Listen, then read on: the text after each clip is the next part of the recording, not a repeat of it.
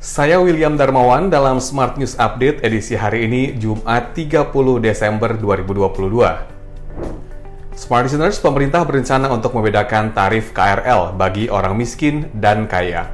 Data pembeda kelas ekonomi antara si kaya dan si miskin ini salah satunya bisa diketahui dari data terpadu kesejahteraan sosial.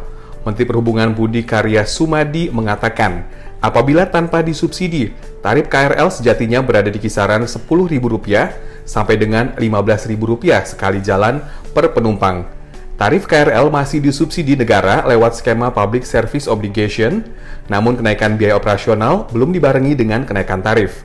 Jika terus dibiarkan, kondisi ini bisa berakibat pada pembengkakan subsidi PSO dari pemerintah yang nantinya membebani APBN. Terlebih jumlah penumpang yang diangkut KRL terus mengalami kenaikan dari tahun ke tahun. Berita selanjutnya, Kementerian PPN Bappenas berharap rencana pembangunan jangka panjang nasional RPJPN 2005 sampai 2025 dijadikan sebagai acuan kampanye pemilihan umum.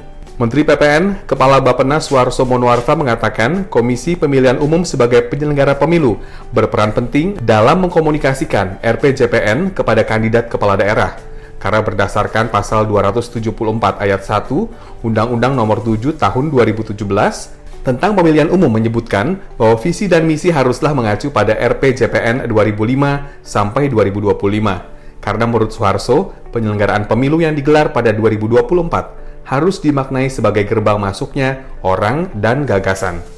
Berita terakhir, Ketua Kamar Dagang dan Industri Indonesia Wilayah Jawa Timur Adik Dwi Putranto menilai larangan penjual rokok eceran akan mematikan pedagang kecil yang mengandalkan rokok untuk memenuhi kebutuhan sehari-hari. Ia menyebut omset pedagang pasti akan berkurang karena keuntungan yang didapat dari penjualan rokok berkontribusi signifikan terhadap pemasukan mereka.